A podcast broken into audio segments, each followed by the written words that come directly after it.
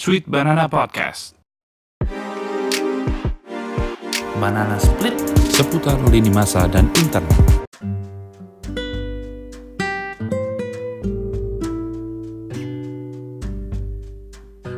Episode kali ini kita nggak akan menampilkan drama-drama di media sosial. Uh, berhenti dulu kali ya istirahat, capek juga ngikutin drama walaupun per hari ini aku uh, tahu ada drama mbak-mbak seleb tweet dan selebgram satu orang yang sama nge-body shaming mbak-mbak di tempat gym ya kan? Tapi kita nggak usah bahas itu. Ah capek. Kita hari ini mau membahas yang lebih berguna aja ditemenin sama temen aku. Dulu partner liputan bareng nggak nggak partner liputan bareng sih cuman kita sering liputan bareng sama Pak Ahok ya Kak Feni dulu. Ini teman aku Kak Feni seorang wartawan ekonomi dari bisnis Indonesia Halo, hai Nya. Halo Kak Feni, terima kasih ya sudah mau ngezoom ini kita kita rekamannya ngezoom malam-malam. Udah enam bulan ya kak? Kita wifi ya? Lu udah berapa Asli, bulan? Udah udah enam bulan. 6 bulan ya nggak kerasa ya. Gue kayak mikirnya gue baru tiga bulan gitu kayaknya. Tapi kayak aduh luar biasa. Semuanya gitu kok tiba-tiba ke skip tahu-tahu udah September aja kan. Yes, benar, benar banget, benar.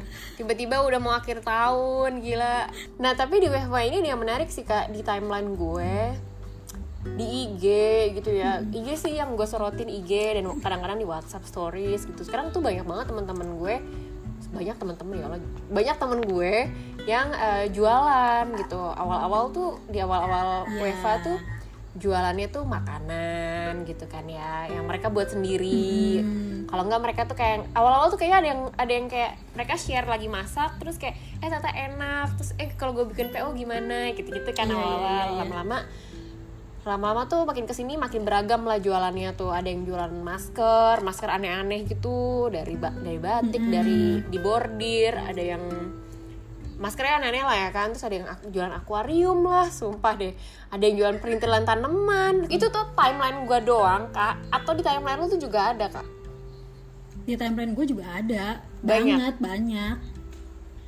Dan gue sempet juga sih kayak eh, nge-resell barang-barang tetangga. Jadi tetangga gue tuh punya toko frozen food gitu Ah. pas awal-awal sih. Terus gue pikir eh gue mau pengen pengen juga deh. Udah deh bu. Sini deh bu. Maksudnya gue nggak keluar modal juga kan. Gue kayak iya. cuma jalan kaki doang ke toko dia gitu dekat di Yes. rumah gue gitu kan.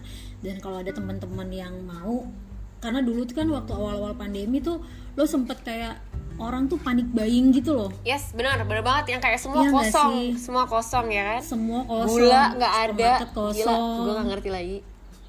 Uh-uh, itu tuh kalau nggak salah pas uh, setelah diumumin ada uh, case pertama ya itu tuh di awal di awal di awal di awal bulan juga deh di awal Maret deh kalau betul salah, tanggal itu Maret dua. Maret Maret karena mungkin menurut gua karena orang Indonesia tuh berkaca sama di Cina gitu ya langsung semua orang tuh di lockdown Iya. terus jadi nggak bisa ke mana-mana pikirannya tuh seperti itu padahal Indonesia tidak seperti Iya. itu Iya, Nyata. dan ada trauma juga sih menurut gue pas kayak waktu krisis 98 Oh, benar, kan. Maksudnya eh, Benar, benar juga. kita belum pernah merasakan situasi pandemi ya. Ini benar-benar kayak baru banget ya pandemi terakhir tuh kayak 100 tahun yang lalu gitu Betul, satu obat betul. yang lalu. karena waktu Dan, SARS kita nggak terlalu kedampak besar banget gitu ya kak ya Iya, iya dan ya situasi krisis yang terdekat yang ada di ingatan kita pasti 98 sih menurut gue. iya Jadi tapi orang-orang tuh berkacanya tuh iya betul betul kayak gitu Betul, dan itu betul. sebenarnya nggak bisa disalahin sih. Lebih kayak jadi ke eh, psychological gitu Betul. sih menurut gue yang orang jadi panik buying di awal-awal bulan itu. kalau lo sendiri suka beli nggak sih produk jualannya teman-teman lo gitu menurut lo kayak apa yang mereka jualan tuh ada yang menarik nggak waktu karena gue Eh. sering beli ada beberapa sih kak gue nggak semua beli karena gue tipikal orang yang kalau beli itu gue selalu bertanya sama diri gue gue butuh apa enggak gitu kak gue tuh orangnya Iya. sangat cukup cukup apa ya apa istilahnya? Picky gitu ya, mikir-mikir ya. eh, kecuali makanan. Makanya kalau ada makanan yang menurut gue menarik foto yang menarik tuh gue langsung beli kalau di teman-teman yang gue jual. Walaupun maksudnya gue nggak ngeliat itu temen atau enggak ya cuma sih gue ngeliat kalau menarik ya gue beli gitu. Cuman kalau barang-barang gue tuh ber kayak mikir gue butuh enggak gitu. Nah kalau lo sendiri beli nggak tuh kalau misalnya teman-teman lo pada jual pada beli itu? Pada jual. Ada jualan. Hmm.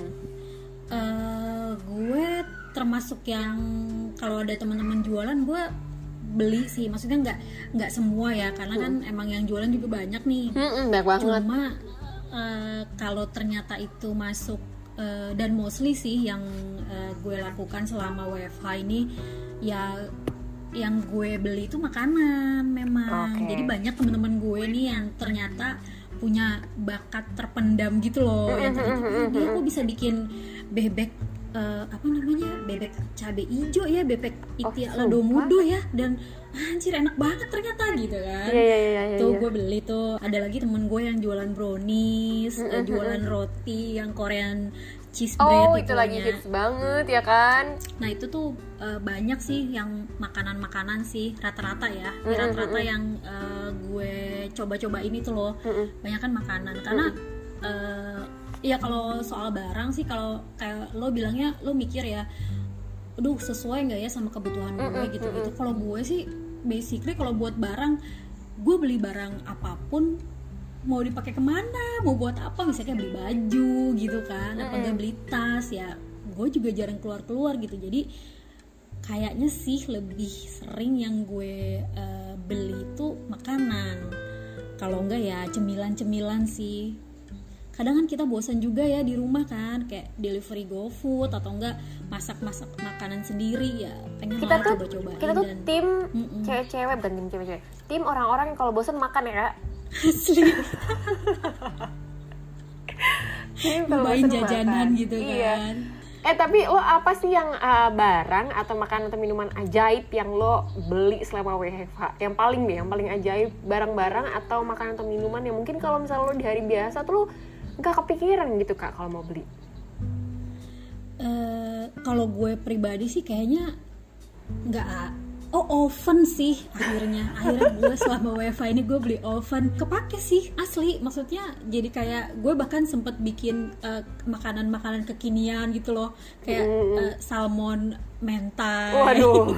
terus yang bake bake creamy spaghetti. Gila nggak? Gila gila gila.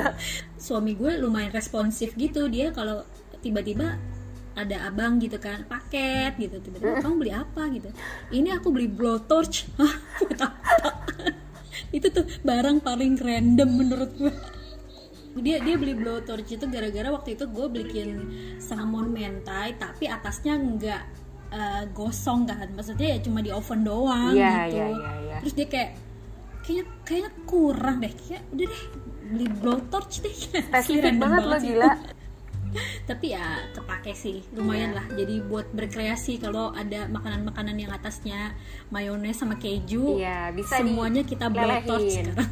Nah kak, kan beberapa waktu ini ya sering banget seliweran di timeline gue nih. Be- ada berita, terus ada tulisan opini gitu yang bilang Hmm. kalau kita belanja online terus itu kita ngebantu perekonomian Indonesia. Kalau nggak salah yang bikin, eh siapa sih kalau nggak salah awalnya tuh kalau nggak salah orang-orang nge-retweet si em, siapa Basri kak? Katib Basri ya Itu seorang ekonom ya? Heeh, Pak Hatip Basri itu ekonom dan dia tuh mantan Menkyu-nya zamannya Pak SBY Ah oke.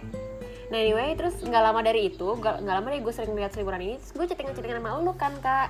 Mm-mm. Em, terus di situlah kafe ini bilang kalau dengan kita ngebeli barang temen itu sebenarnya kita lebih efektif dalam ngebantu eh, roda perekonomian Indonesia berputar lebih baik gitu.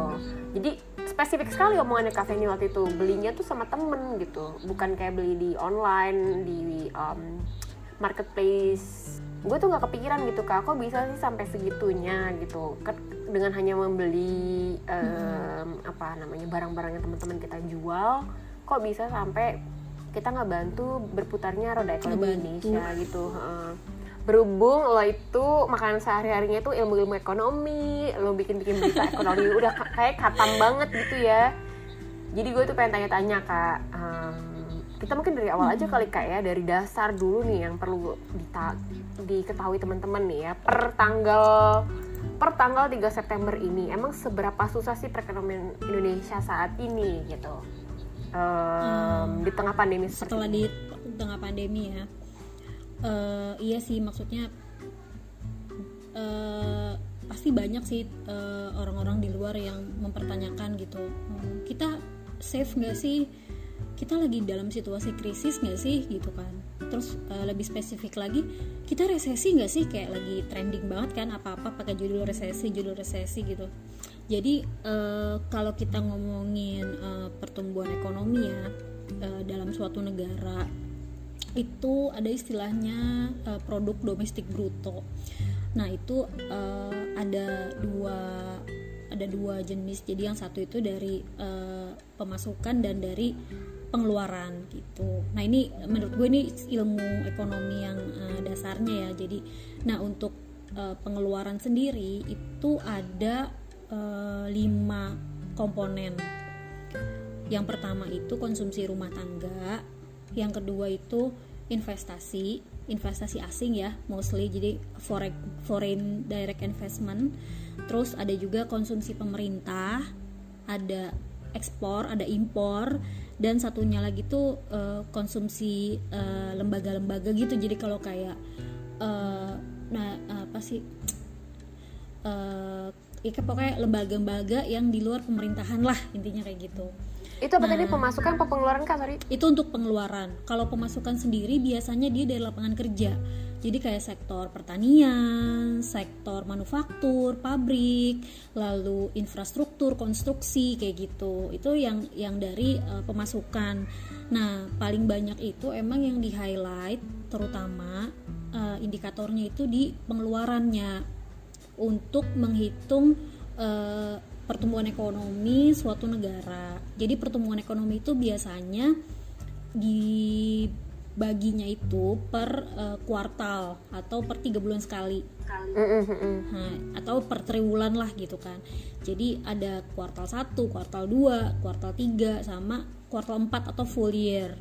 Satu tahun penuh. Nah kalau kita lihat di Indonesia uh, dari uh, yang uh, aku bilang uh, apa namanya sektor-sektor pengeluaran tadi Indonesia itu paling gede uh, komponennya di konsumsi rumah tangga pengeluaran ya artinya itu uh -uh. kalau itu itu bisa nggak sih kita bilang duit yang keluar gitu kak atau gimana? iya iya duit yang dikeluarkan oleh penduduk suatu negara nah paling gede itu de, uh, apa namanya paling gede itu di konsumsi rumah tangga kalau aku cek di web uh, Badan Pusat Statistik ya BPS yang paling baru di kuartal 2 ini uh, konsumsi rumah tangga itu share-nya itu hampir 58%. Jadi kamu ngebayangin ada satu kue, kue kue ulang tahun gitu ya, cake gitu kan bulat nih.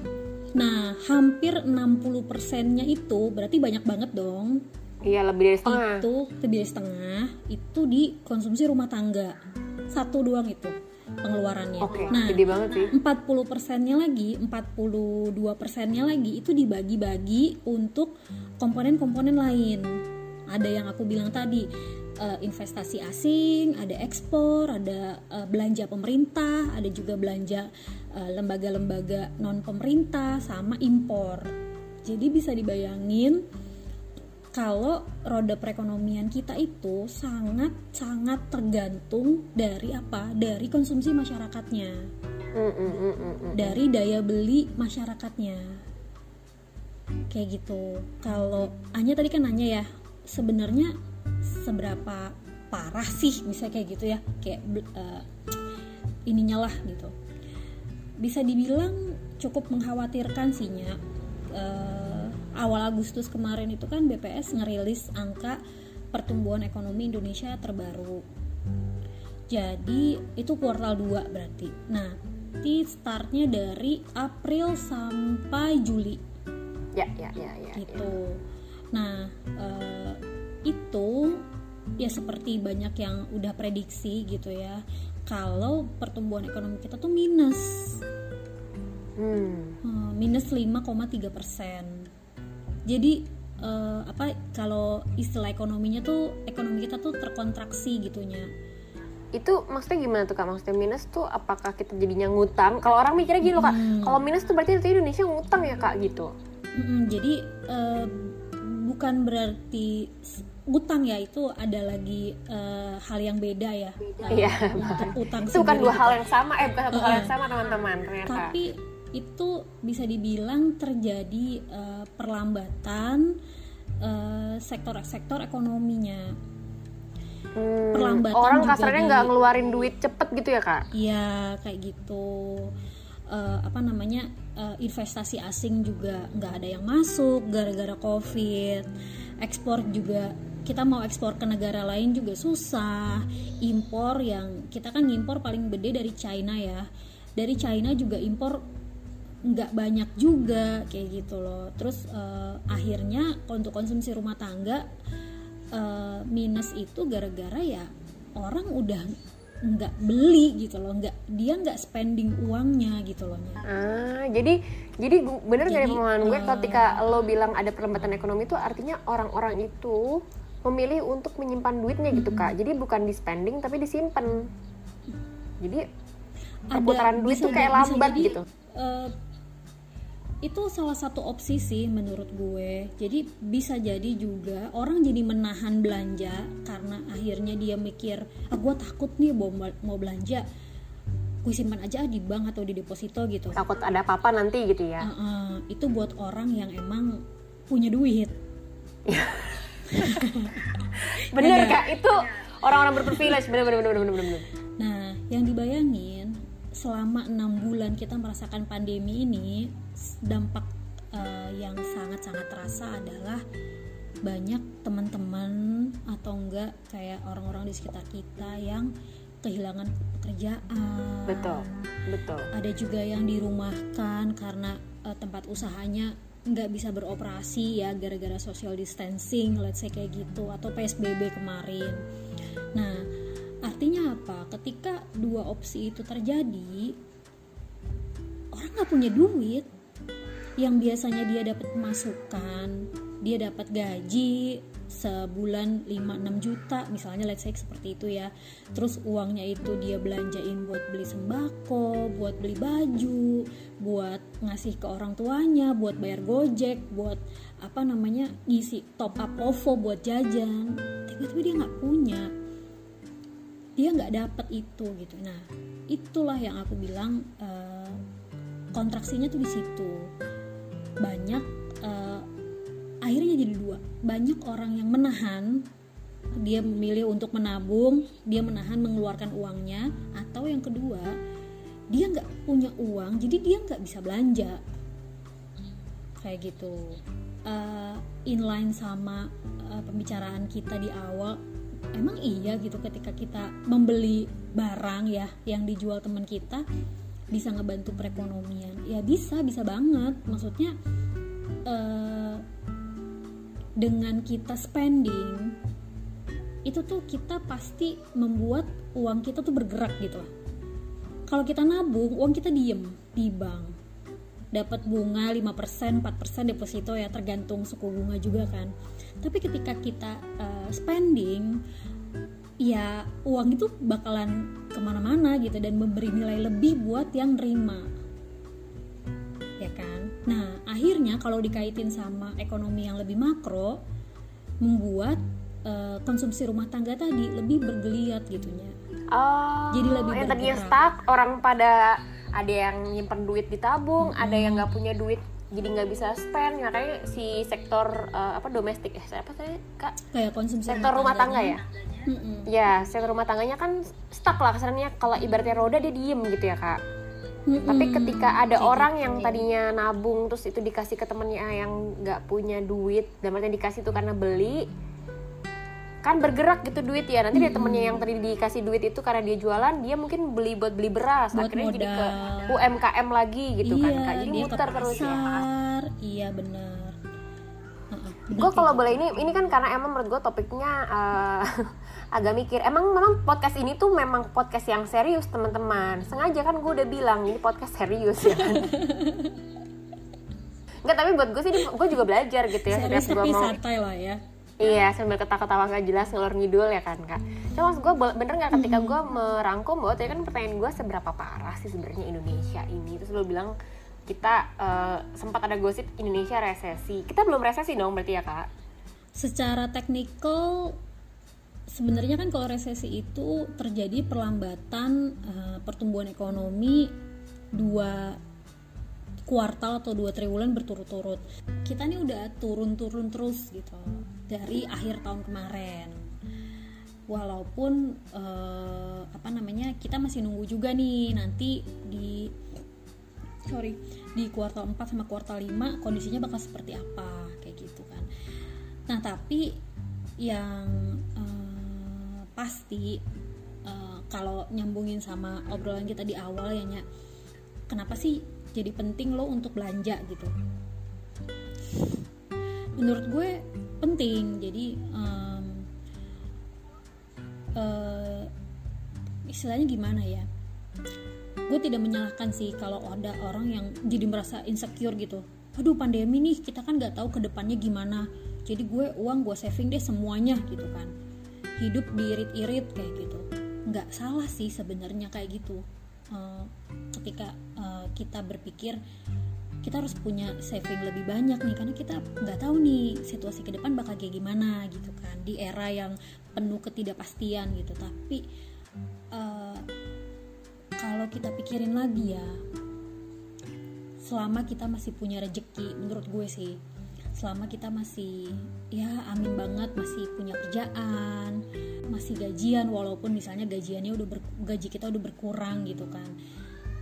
Tapi kan kita tetap butuh barang-barang pokok kan gitu. Misalnya kayak makanan yang utama gitu kan. Atau enggak misalnya lu eh, ngerasa eh gue ada lebih nih uang gue kayaknya bisa deh kalau gue hobi gitu kan. Kayak gue nih hobi masak atau lo hobi nanem gitu kan menurut gue nggak ada salahnya kok lo spending uang gitu tapi dengan catatan tetap saving tetap nyisihin untuk saving ya kan Eh, berapa persennya pasti tergantung sama kebutuhan teman-teman lah ya artinya kita harus Nah. sudah nge apa ya em, pos-pos kehidupan budget. cek Uh-uh, pos-pos bikin- bikin kita tuh udah harus.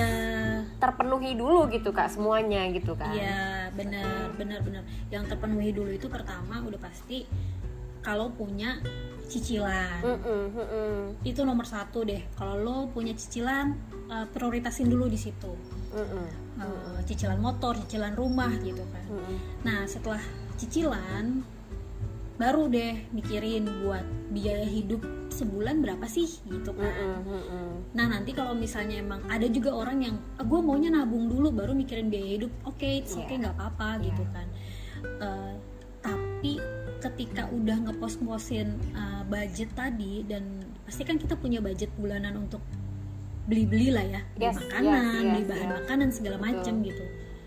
Menurut gue nggak ada salahnya banget kalau kita uh, spending uang untuk yang kita pegang untuk emang biaya hari-hari itu sampai sebulan ke depan lah misalnya gitu kan. Mm-mm, mm-mm. itu untuk belanja UMKM-nya yes yes. Di gue oh. menyebutnya kalaupun siapa pun ya mau itu teman mau itu bukan bukan teman gitu kita misalnya ngelihat di Instagram atau enggak di Twitter kan suka ada tuh ayo yang mau jualan komen ya di sini seleb Iya, seleb iya, iya, apa seleb iya. tweet kan suka kayak gitu tuh Jadi lo prefer belanja ke UMKM nih kayak tadi lo mention lo lebih prefer Mm-mm. belanja ke UMKM.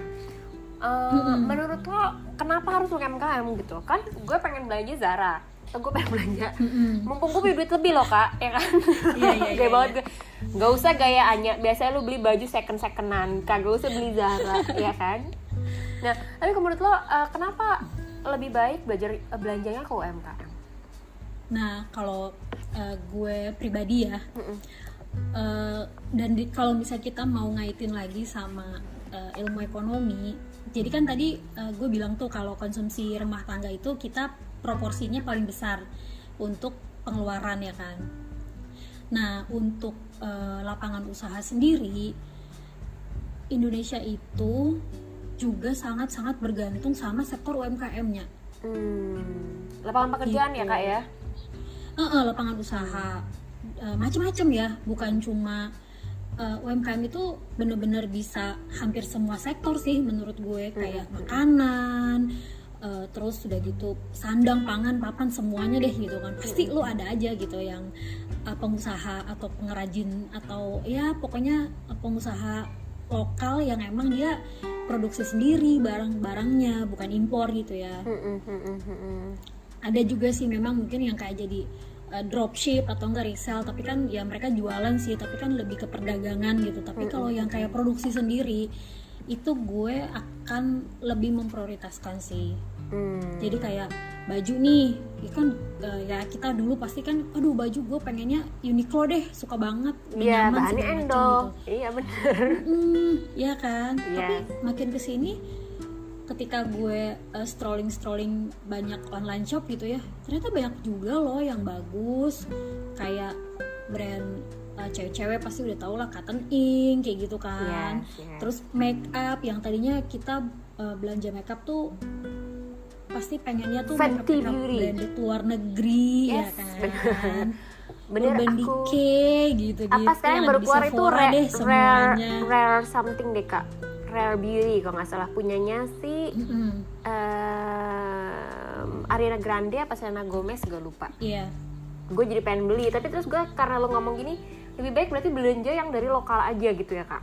Iya, itu kan kayak eh, BLP bagus-bagus kok ba- barangnya gitu kan. Wardah makeover bahkan nggak nggak kalah gitu bukan cuma dari segi kualitas doang tapi dari packaging dan biasanya harganya lebih affordable kan dan skincare skincare juga kan banyak tuh yang sekarang lokal tapi ternyata oke loh gitu Eh, kenapa itu jadi penting ya karena dengan kita berbelanja di teman-teman UMKM, di pengusaha-pengusaha dalam negeri, kita berkontribusi juga untuk eh, memutar bisnis mereka gitu. Di dalam I mean, Indonesia gitu eh, duitnya kasarnya di dalam muter negeri gitu kayak. Muter semuanya Iya. muter gitu Ka- kan. Maksudnya, tapi tapi kayak misalkan BLP, Cotton Ink gitu. Maksud gue kan itu udah merek-merek yang masuk ke mall ya. Anggapannya Hmm. orang awam masa sih itu bisa dikategorikan sebagai UMKM gitu. mm-mm. UMKM sih menurut gue masih Dia Jadi, si- size-nya eh, masih medium gitu ya emang- atau gimana menurut lo? Iya, Oh. kayaknya eh, itu kayak gue juga gue juga lupa ya kalau kayak bagi membagi kategorisasi usaha kecil dan usaha besar gitu. Mm-mm. Tapi yang pasti ketika eh, menurut gue ya ciri-ciri UMKM itu ya Mm-mm.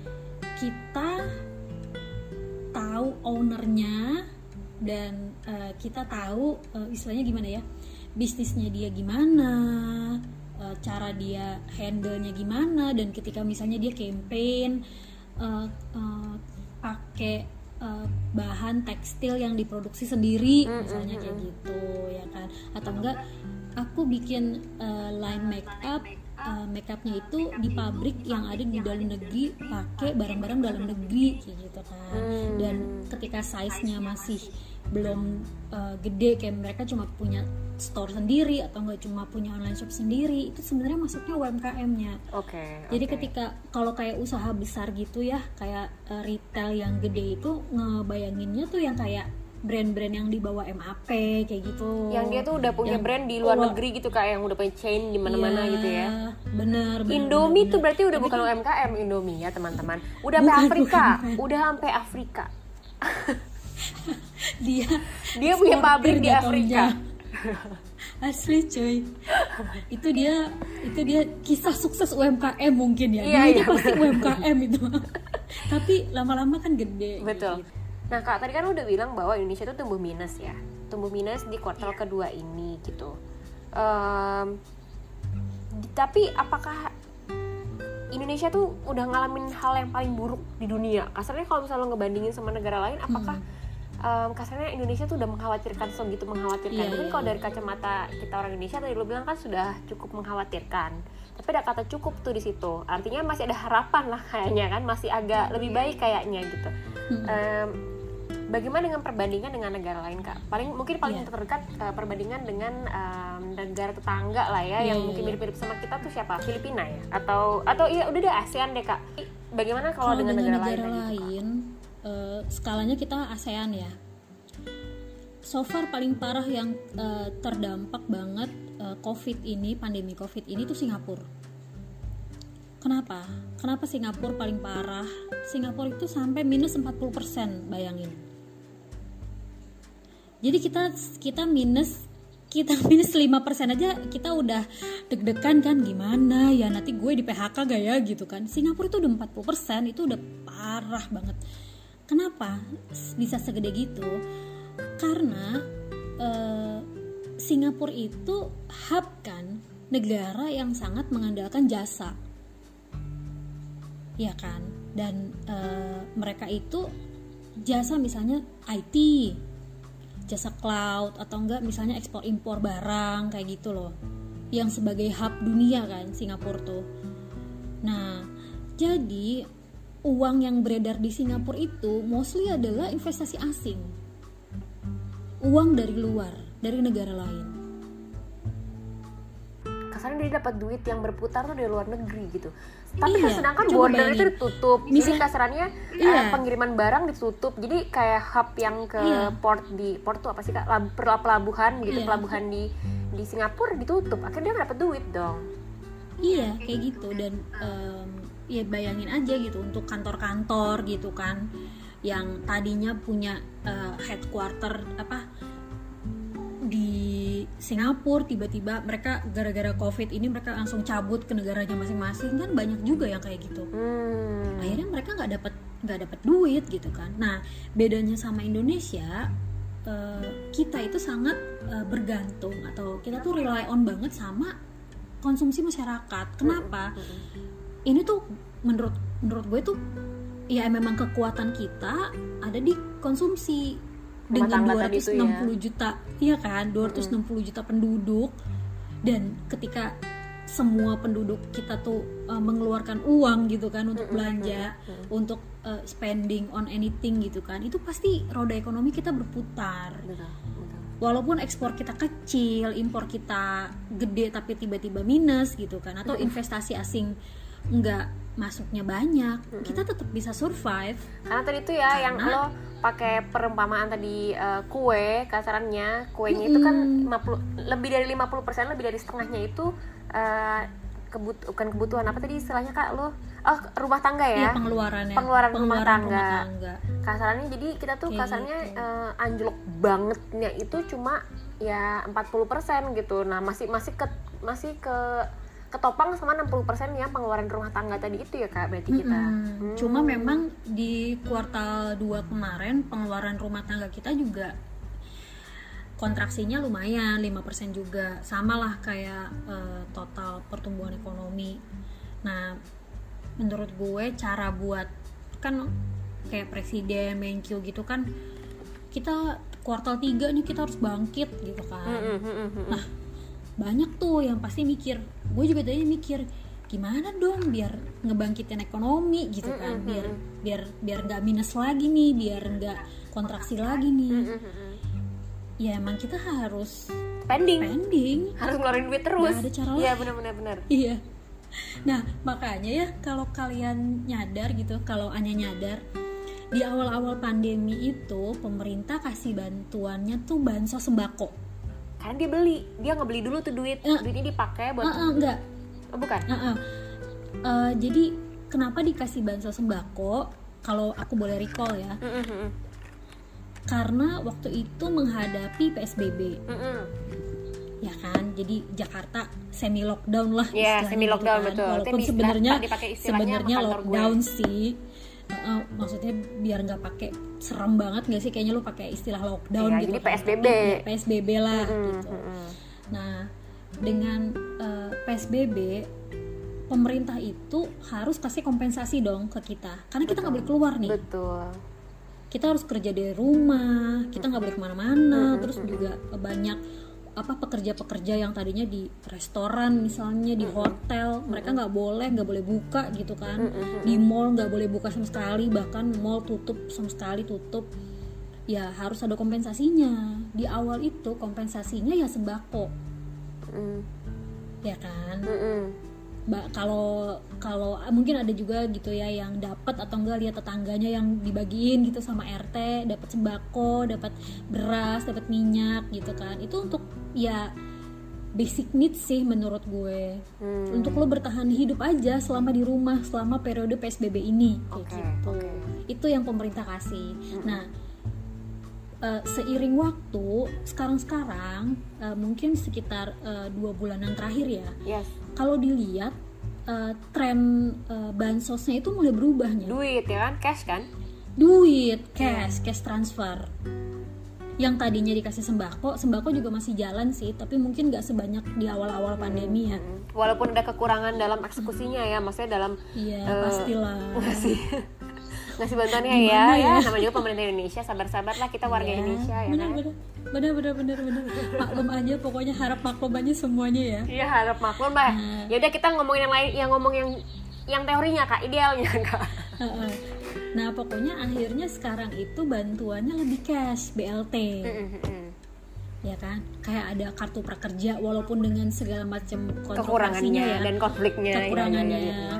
terus itu lo dapat sebulan 600 ribu kalau nggak salah selama empat bulan jadi satu orang itu kalau dia eh, keterima program kartu prakerja selain dia harus ngikutin pelatihan pelatihan itu dia dapat duit cash yang ditransfer ke rekeningnya itu eh, 600 ribu per bulan selama empat bulan Hmm, oke. Nah, terus ada juga bantuan UMKM.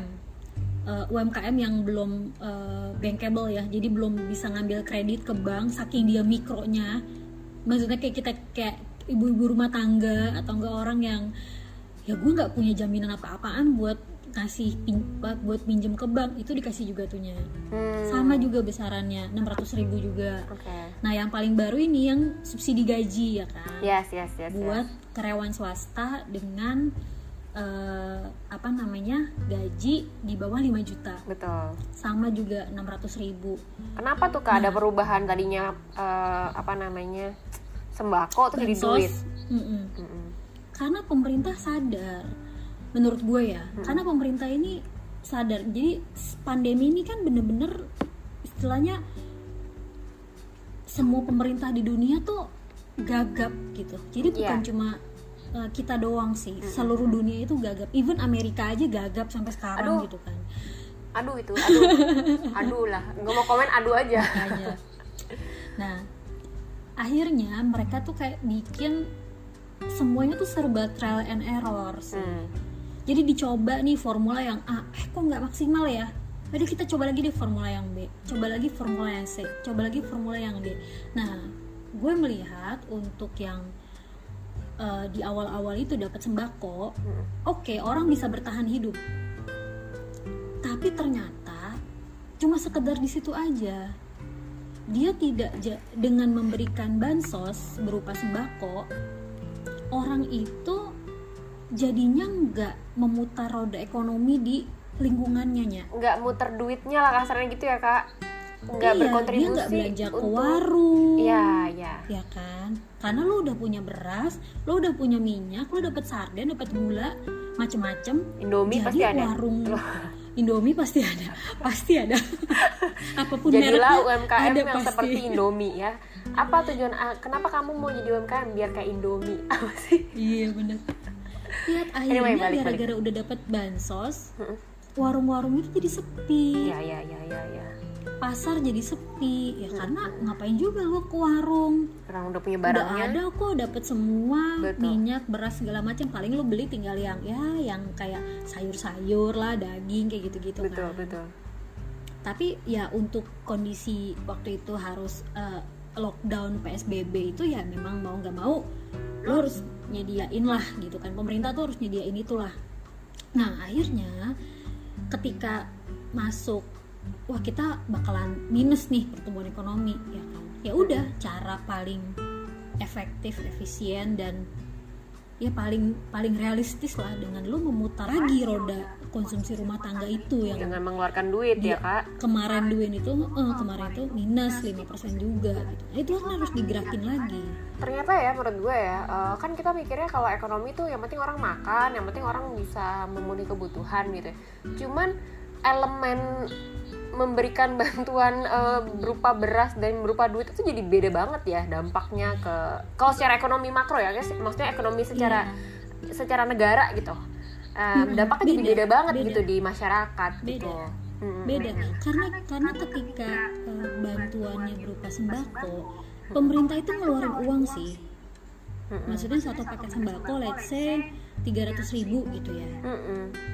Tapi kan dia tidak belanja di warung yang di daerah betul itu. betul betul nggak di UMKM gitu kasarnya ya kan kak Enggak, ya maksudnya dia kan belanjanya pasti diperkulakan lah. betul yang besar gitu jadinya uangnya Yang ya gede itu gitu. doang iya jadi sebenarnya bukan berarti sia-sia sih gue tidak bilang sia-sia ya tapi Muternya kurang jauh gitu kali ya, Kak? Duitnya muternya kurang jauh gitu maksud gue. iya iya iya Seharusnya kan kalau misalnya idealnya kan berarti kalau misal dari yang atas nih dari pemerintah, eh dari dari pemerintah beri ke eh, atau bagaimana ya? Dari setengkulak biasanya duitnya dari yang gede deh, dari orang kaya yang gede, dari yang gede terus turun ke bawahnya mungkin kasarnya gini ya. Mungkin Lama. mungkin gini Kak, sorry. Duit dari orang kaya, pemilik perusahaan gede gitu misalnya. Dia ngasih duit ke pembantunya karena gajian. Terus pembantunya beli baju di pasar, akhirnya duitnya muter ke abang pasar. Abang pasar beli sembako ke eh, warung sebelah rumahnya, muterin lagi duitnya ke orang sebelahnya gitu kan jadi lebih jauh gitu kan, Kak. Iya. Sedangkan kalau misalnya cuma pemerintah ngasih sembako kan muternya cuma di tengkulaknya aja yang di atas gitu kan benar berarti. benar kayak gitu Hmm. dan Oke. eh, waktu itu Pak Hatip, Hatip Basri ya si Pak mantan Menq favorit gue ini itu dia ngejelasin dengan eh, sangat simpel ya dia kayak coba bandingin ketika kamu nikahan gitu. Waktu itu dia dalam satu webinar gue lupa webinar apa. Kamu statusnya keluarga yang bikin hajatan gitu kan. Pasti kan orang datang nih. Orang datang ke nikahan itu dia punya opsi dong. mau kasih kado mau kasih duit. Kamu pilihnya apa? duit. kan Hmm, benar. karena lebih lebih fleksibelnya Betul. ya betul. maksudnya kita dapat kado juga kita seneng sih Iya.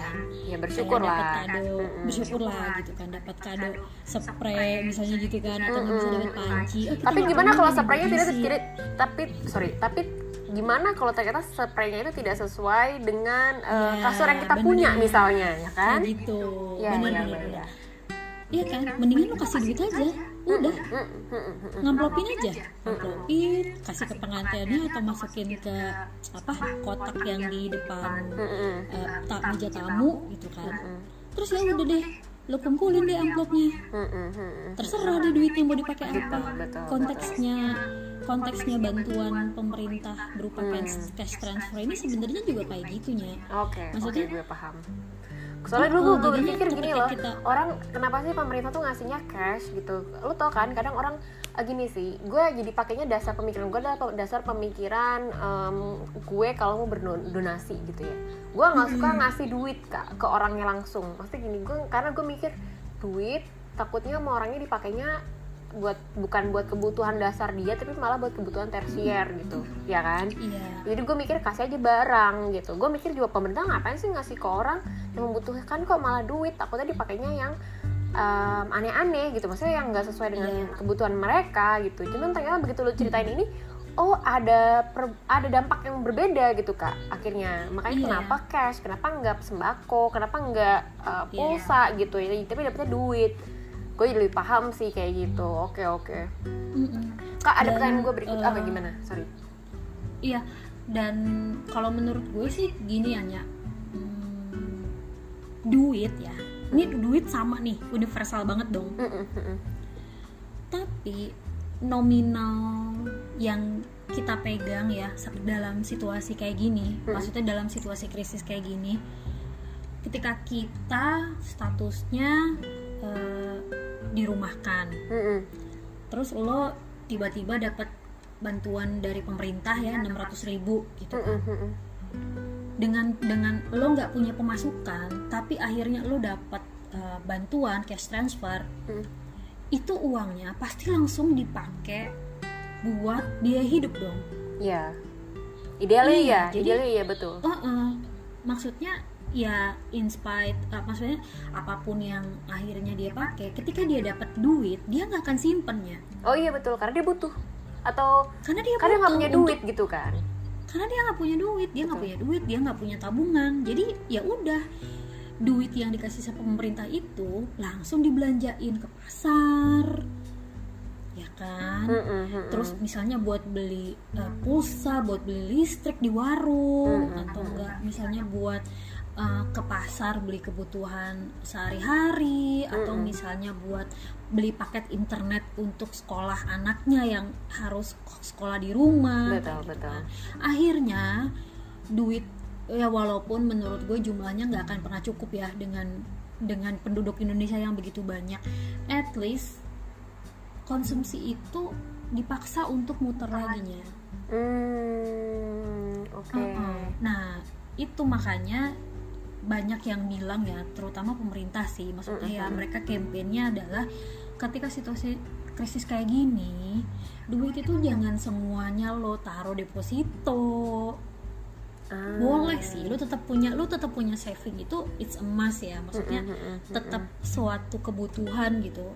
Karena lo juga harus merasa safe dengan masa depan lo gitu, lo harus merasa aman gitu kan. Ke depannya lo akan gimana? Tapi ketika lo emang punya budget yang emang budget itu udah lo uh, Alokasikan untuk di spending gitu kan ya. ah, spending satu bulan ke depan ya spending lah dengan bijak Hmm, oke. gitu Terus lu kan kurang ngeceritain kayak gitulah ngeceritain bahwa kita tuh kalau punya duit, punya budget, yang mending di spending aja gitu. Nah, menurut lu apakah itu jadi salah satu cara supaya kita nih ya orang-orang awam yang nggak punya power gede di dunia di Indonesia ini, kita tuh bukan yang punya Indomie gitu, Indomie lagi ya kan?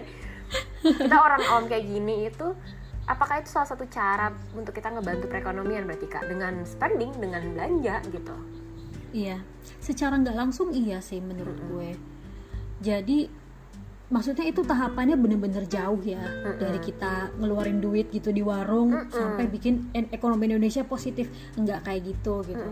Tapi menurut gue kalau kita lihat dalam uh, uh, istilahnya gimana ya, uh, lingkup yang lebih kecil dengan kita uh, spending atau enggak kita belanja di lingkungan kita, di teman-teman kita, at least kita tuh bisa bantu perekonomian mereka gitunya. Hmm, ya betul. Iya kan? betul. Maksudnya Setidaknya banyak loh kalau orang dari deket aja deh kayak merasa kalau kalau kita punya temen yang em, apa ya kita tahu lah temen yang kita tuh mungkin dia di cut gajinya atau dia bahkan nggak punya penggaji lagi akhirnya dia harus jualan ya udah anggapanlah kita Benar. beli untuk membantu dia gitu ya kan iya, nanti iya, duitnya dan- mau dan diapain ya udah gitu Iya dan apa ya istilahnya mereka tuh tetap punya dignity gitu. Maksudnya Ya, itu gue tidak gue tidak minta bantuan orang betul. lain tapi dia menawarkan barang Hmm. gitu kan. Dia bikin dia bikin kue dia bikin, bikin, brownies gitu Hmm. misalnya. Atau enggak dia bikin cilok macem-macem lah gitu kan. Hmm, dan ketika selama lo masih punya uh, budget untuk jajan ya untuk makan gitu kan ya kenapa enggak sih? Lo sambil nyobain gitu uh, kue buatan temen lo atau enggak makanan buatan temen lo produk gitu temen kan. lo gitu ya? Produk bikinan temen lo gitu kan. Uh, sambil bantu ya sambil secara secara langsung kita juga bantuin uh, perekonomian dia gitu kan. Misalnya biar biar dia bisa muterin pendapatan dia itu untuk modal selanjutnya batch batch selanjutnya dan bisa gitu mungkin duitnya itu misalnya karena dia beli modal lagi tuh berarti turun lagi ke ke warung-warung atau ke pasar-pasar gitu ya ke ya. pasar kayak gitu Betul. ke tukang Kayak gitu gojek, ke tukang becak mungkin karena kita mungkin naik becak Iya. belanjanya gitu ya kak. Iya iya Iya, iya, dan iya, iya. dan dan dengan eh, apa pengetatan eh, istilahnya kontak fisik ya Hmm. Yang biasanya kita eh gue bikin ini nih ya udah deh ntar aja deh ketemu di kantor kan sekarang kita udah nggak ngantor nih Mm-mm, mm-mm. terus eh, akhirnya ya udah deh kirim gosen aja gitu Ah. kan akhirnya lo kasih juga tuh rezeki Oh, iya, buat abang juga. gojek Oke, anda benar itu. Benar juga anda. Betul betul betul betul betul. Iya kan? Betul, Dan kalau dipikir-pikir daripada gue keluar, ya kan? Misalnya ke mall gitu, ya walaupun sekarang mau udah pada buka, tapi situasi uh, kasus positif di Jakarta sendiri masih tinggi, misalnya kayak gitu kan? Ya kan? Terus lu pengen makan brownies atau pengen makan Korean uh, garlic uh, cheese bread gitu, ternyata temen lu ada yang bikin, ya udah, eh gue mau dong. Cobain Pesan ya. gitu ya. Satu, gue mau cobain deh gitu. Betul, Kirim pakai gosen aja atau enggak pakai grabsen aja Iya. kayak gitu. Kayak baju juga deh kak ya. Kan menurut gue ya saat ini di di era di mana ada marketplace itu menurut gue Hmm. apa pun bisa dicari juga gitu. Bahkan Benar, baju benar. baju Uniqlo deh ya. Eh, ini baju nyebut merek tapi emang bener ada. Baju Uniqlo yang bahannya enak itu yang dari apa sih tuh bahannya tuh dari linen ya kalau nggak salah linen. Mm-mm. itu tuh kalau kita nyari di Shopee kalau kita tahu cara nyarinya di Tokopedia ternyata tuh ada yang jual juga gitu kak. Tapi ya bukan sama persis ya Iya. tapi maksud gue kalau lo lo mementingkan mm, bahan gitu lo pengen bahannya tuh kayak Uniqlo tuh ternyata ada yang jual gitu. Bener bener bener jadi dari itu UMKM jadi kayak oh em, ya kalau kita lagi nggak mau ke mall ya ya udah walaupun ya walaupun kalau kita beli ke mall pun kita mungkin ngebantu eh, para pegawai-pegawai itu di- digaji gitu ya pegawai Di saat Uniqlo gaji, benar-benar. Mm-mm, ya ya plus minus lah kak menurut gue jadinya ya nah kalau Iya. kita ngomongin soal ngebantu nih di situasi yang sulit ini gitu ya kan orang tuh mikir kalau ngebantu ya udah lu donasi aja gitu Em, emang sih kalau gue ngerasa tuh donasi kan approach-nya lebih ke sosial ya jadinya bukan ekonomi gitu Eh, tapi apakah dengan kita bernos- ber- berdonasi itu bisa cukup ngebantu roda perekonomian di Indonesia nggak sih? Atau gimana ya? Sustainable nggak sih dengan melakukan donasi ini? Donasi kan ada bentuk macamnya juga banyak gitu ya. Ada yang ngasih duit Iya. ada yang ngasih barang gitu. Mm-mm. dan eh, menurut gue itu agak beda sih ya Nya. lebih ke targetnya beda sih. Misalnya gini eh, kita beli eh, barang gitu ya UMKM bisa buat barang punya teman kita atau misalnya UMKM yang kita lihat di marketplace gitu kan. Itu kan sebenarnya kita bukan donasi loh tapi Mm. kita cuma berkontribusi aja gitu dalam perekonomiannya mereka biar mereka tetap bisa muterin modal dan uh, bisnisnya bisa lanjut terus gitu kan. Nah, sementara itu donasi ini juga di saat-saat pandemi perlu juga, tapi targetnya itu orang yang emang harus kita bantu tetangga misalnya gitu kan. Misalnya nih misalnya nih kita tahu ada tetangga kita yang eh, suaminya kena PHK gitu kan yang atau enggak eh eh, ternyata sekarang gojeknya sepi gitu sementara ibunya ini eh, istrinya ini cuma ibu rumah tangga kayak gitu kan. Ketika kita lihat di lingkungan kita ada orang yang beneran harus dibantu barulah kita donasi di situ. Donasi juga macam-macam ya Ya, misalnya kita eh, lebih nyaman dengan ngasih uang cash gitu kan. It's okay nggak apa-apa banget. Atau misalnya kita beliin eh, paket sembako atau enggak misalnya kita isiin anaknya paket data biar bisa eh, sekolah kayak gitu. Jadi menurut gue itu dua hal yang beda. Tapi apakah bisa eh, berkontribusi? Pasti sih. Maksudnya itu lebih ke soal impact ya jadi gimana eh, dari uang yang sesedikit kita punya gitu kan bisa bisa membuat nilai yang lebih gitu loh buat orang lain. Menurut gue situasi dalam situasi pandemi ini itu penting banget sih. Kak, tapi nih ya, sebenarnya ngobrol sama lu ini em, mengencourage gue, mendorong gue untuk terus beli-beli, beli ke teman-teman gue gitu. Karena gue sempet kayak menahan Iya, duit to be honest, gue sempet menahan duit juga karena kan gue mikir ya udahlah yang jangan jangan terlalu ngegelontorin gitu ya. Tapi ya udah gue menahan duit gitu kan ya. Em, cuman gini kak, kadang tuh gue berpikir dan mungkin banyak juga orang yang berpikir seperti ini belanja-belanja mulu tuh kayak perilaku yang konsumtif, hedon, yang mana adalah negatif gitu. Tapi lu setuju nggak sih kalau eh, seringnya kita belanja di masa ini tuh mencerminkan suatu sikap yang buruk gitu? Atau eh, kalau dalam kesempatan kayak gini, apakah memang hedonis itu adalah kuncinya gitu? Atau lu punya pemikiran lain soal hidup konsumtif seperti ini gitu? kayak menurut gue itu balik lagi ke kebutuhan sihnya kan manusia itu kan kebutuhan berlapis-lapis ya ada kebutuhan primer ada kebutuhan uh, sekunder sama tertier bahkan super tertier gitu. Nah uh, menurut gue ketika lo membelanjakan uang lo untuk kebutuhan primer itu nggak masuk hedon sih. Ya basically lo buat makan lo beli baju ya misalnya sekarang lo beli in- paket internet beli pulsa ya itu kan emang eh, barang-barang yang lo butuhkan untuk lo bertahan hidup ya gak sih? Ya kan? Nah ketika dalam situasi kayak gini misalnya ya misalnya nih lu beli tas yang harganya puluhan juta gitu kan. Ya buat apa gak bisa lu pakai juga buat arisan misalnya kayak gitu kan. Arisan online mbak. Emang lu nggak tahu kalau kalau arisan online tuh tangannya dimasukin gini taruh di depan laptop. Oh, betul gitu kan? ya? halo.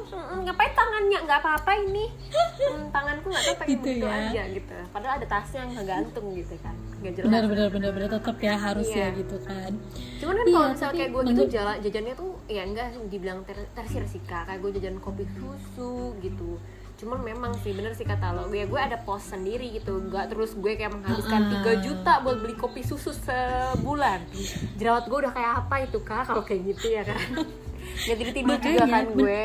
Ya ya ya ya, ya maksudnya kayak kayak lo belanja atau enggak lo nyobain roti kekinian gitu ya atau enggak lo nyobain brownies gitu kan.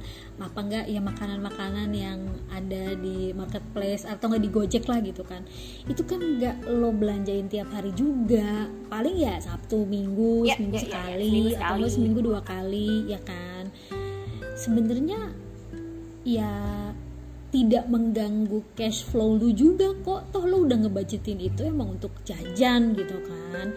Yang biasanya misalnya uang 100.000 ribu itu buat lo dari rumah mau naik grab ke mall misalnya gitu kan. Nah tapi lo udah nggak naik grab ke mall lagi nih. Ya udah deh lo belanjain aja 100 ribunya buat beli jajanan. Gitu menurut beda gue. cerita kalau misalnya ini kali ya hedu- kebutuhan premier premier kebutuhan primernya belum terpenuhi eh udah jajan-jajan yang tersier ya itu mungkin Iya. beda lah ya kalau kayak gitu itu kasus Benar. memang tidak wise gitu ya kak ya Iya, atau misalnya lu belanja-belanja tapi duitnya ngutang gitu. Ah, aduh, ya, aduh, itu beli misalkan ya. tas mahal buat apa? Buat buat eh, arisan online tapi ngutang ya dari kartu kredit. Benar. Bayarnya bayar bayar minimum Jangan. lagi kan per bulan. Bener-bener jangan atau enggak lu spending duit gede banget dari dana darurat. Jangan juga.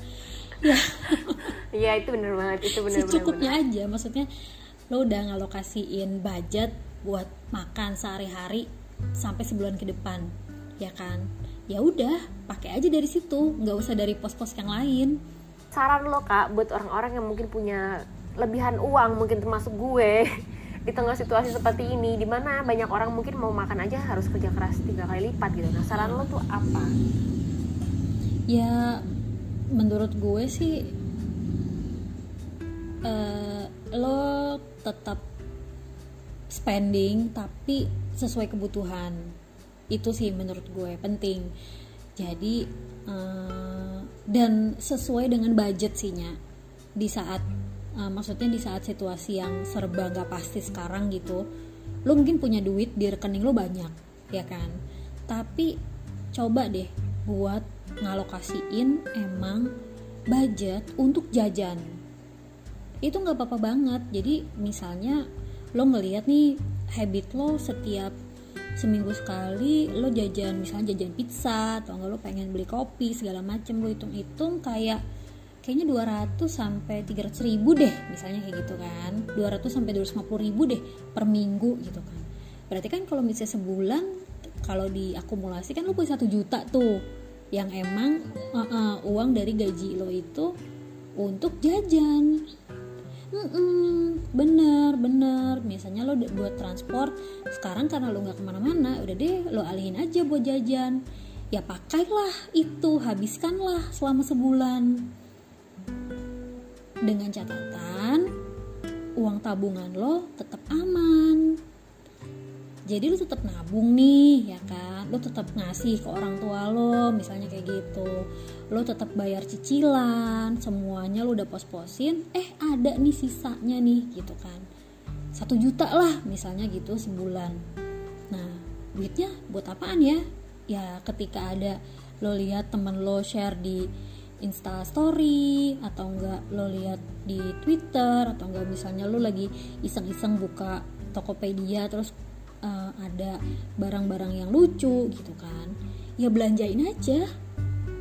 Maksudnya menurut gue ya nggak perlu terlalu panik sampai harus eh, 50% dari pendapatan lo itu lo alokasiin ke tabungan. Menurut gue nggak nggak perlu sampai kayak gitu gitu kan uh, maksudnya dengan lo udah terkungkung di rumah doang gitu itu tuh udah stressful banget kan ya you deserve a better treat lah menurut gue setiap weekend lah misalnya gitu ya ya happy happy Misalnya lah gitu ya lah. kak Dengan happy happy lah happy happy gitu sama kan. Happy happy sama keluarga lo sama sahabat-sahabat lo gitu kan. Bisa pesen kopi literan di tuku misalnya kayak gitu. Atau enggak lo lihat ada temen lo yang eh, jualan eh, brownies ya lo beli aja gitu. Maksud atau enggak jualan kayak macem-macem lah gitu kan. Asal lo udah duitnya ada tidak mengganggu cash flow yang inti kayak uh, untuk bayar cicilan atau enggak tabungan. Atau buat kehidupan sehari-hari ya kak makan sehari-hari buat gitu kehidupan ya sehari-hari bener bener itu menurut gue salah satu cara. Kalaupun kita nggak bisa bilang bantu ya at least kita berkontribusi lah sama uh, perekonomian orang-orang terdekat kita gitu lingkungan kita hal-hal sesimpel itu menurut gue bikin ya kehidupan yang lagi bener-bener susah ini jadi lebih meaningful lah. Iya.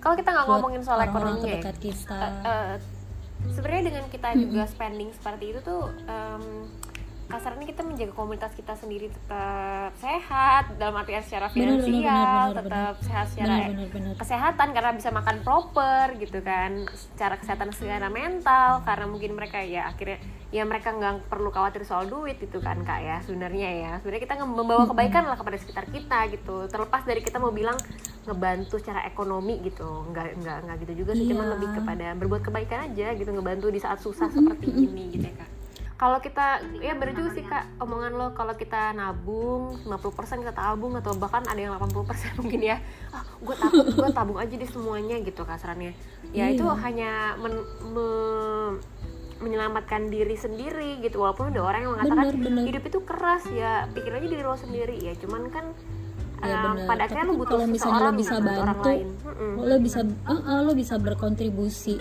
membuat hidup seseorang lebih baik kayaknya membuat perasaan lo juga jadi lebih lega deh ya nggak sih? kayak gitu nggak sih? benar, benar benar.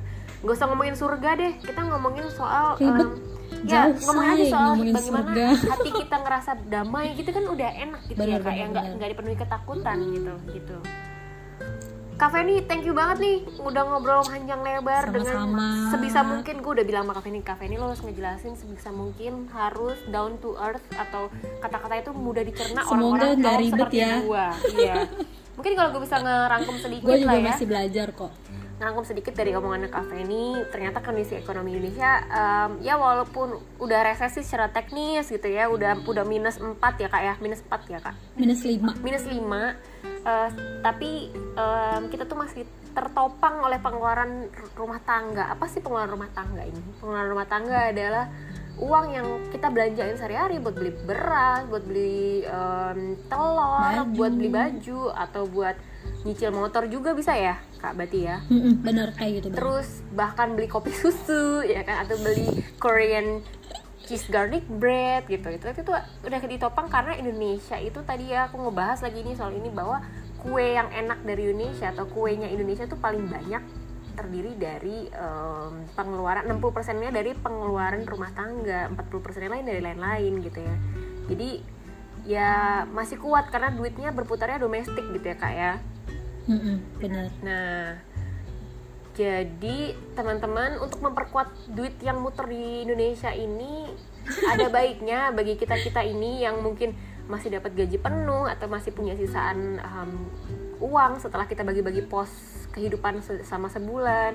Ada baiknya kita tuh tidak tidak memperkaya diri sendiri saja tapi juga spend ke paling nggak orang sekitar ya kak UMKM atau teman Benar. sendiri yang jualan PO PO karena ternyata itu kita nggak bisa ngebantu duit itu muter dari kita ke teman kita dari teman kita ke warung sebelahnya dari warung sebelahnya ke pasar dari pasar ke abang becak Benar, mungkin dari abang becak mungkin ke anak-anaknya ya kan? Jadi itu muternya tuh bener sampai ke grassroots gitu ke sampai yang paling ke, paling kasarnya paling miskin mungkin kalau bisa gitu kan kak duitnya ya kan?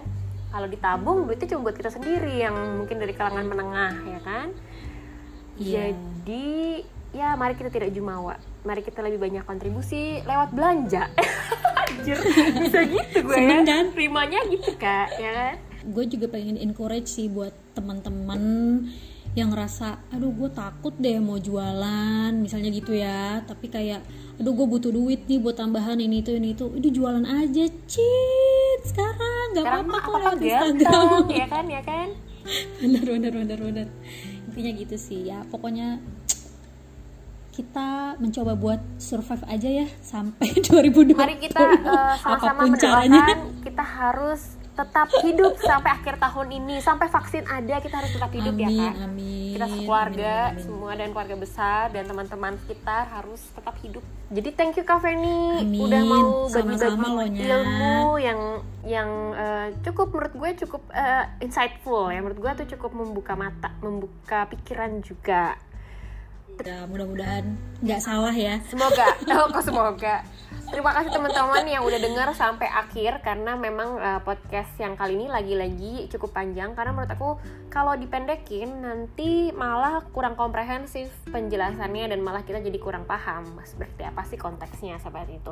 Thank you yang udah dengerin. Kita ketemu lagi di episode berikutnya dengan drama-drama media sosial atau apa pun yang muncul di timeline kita semua.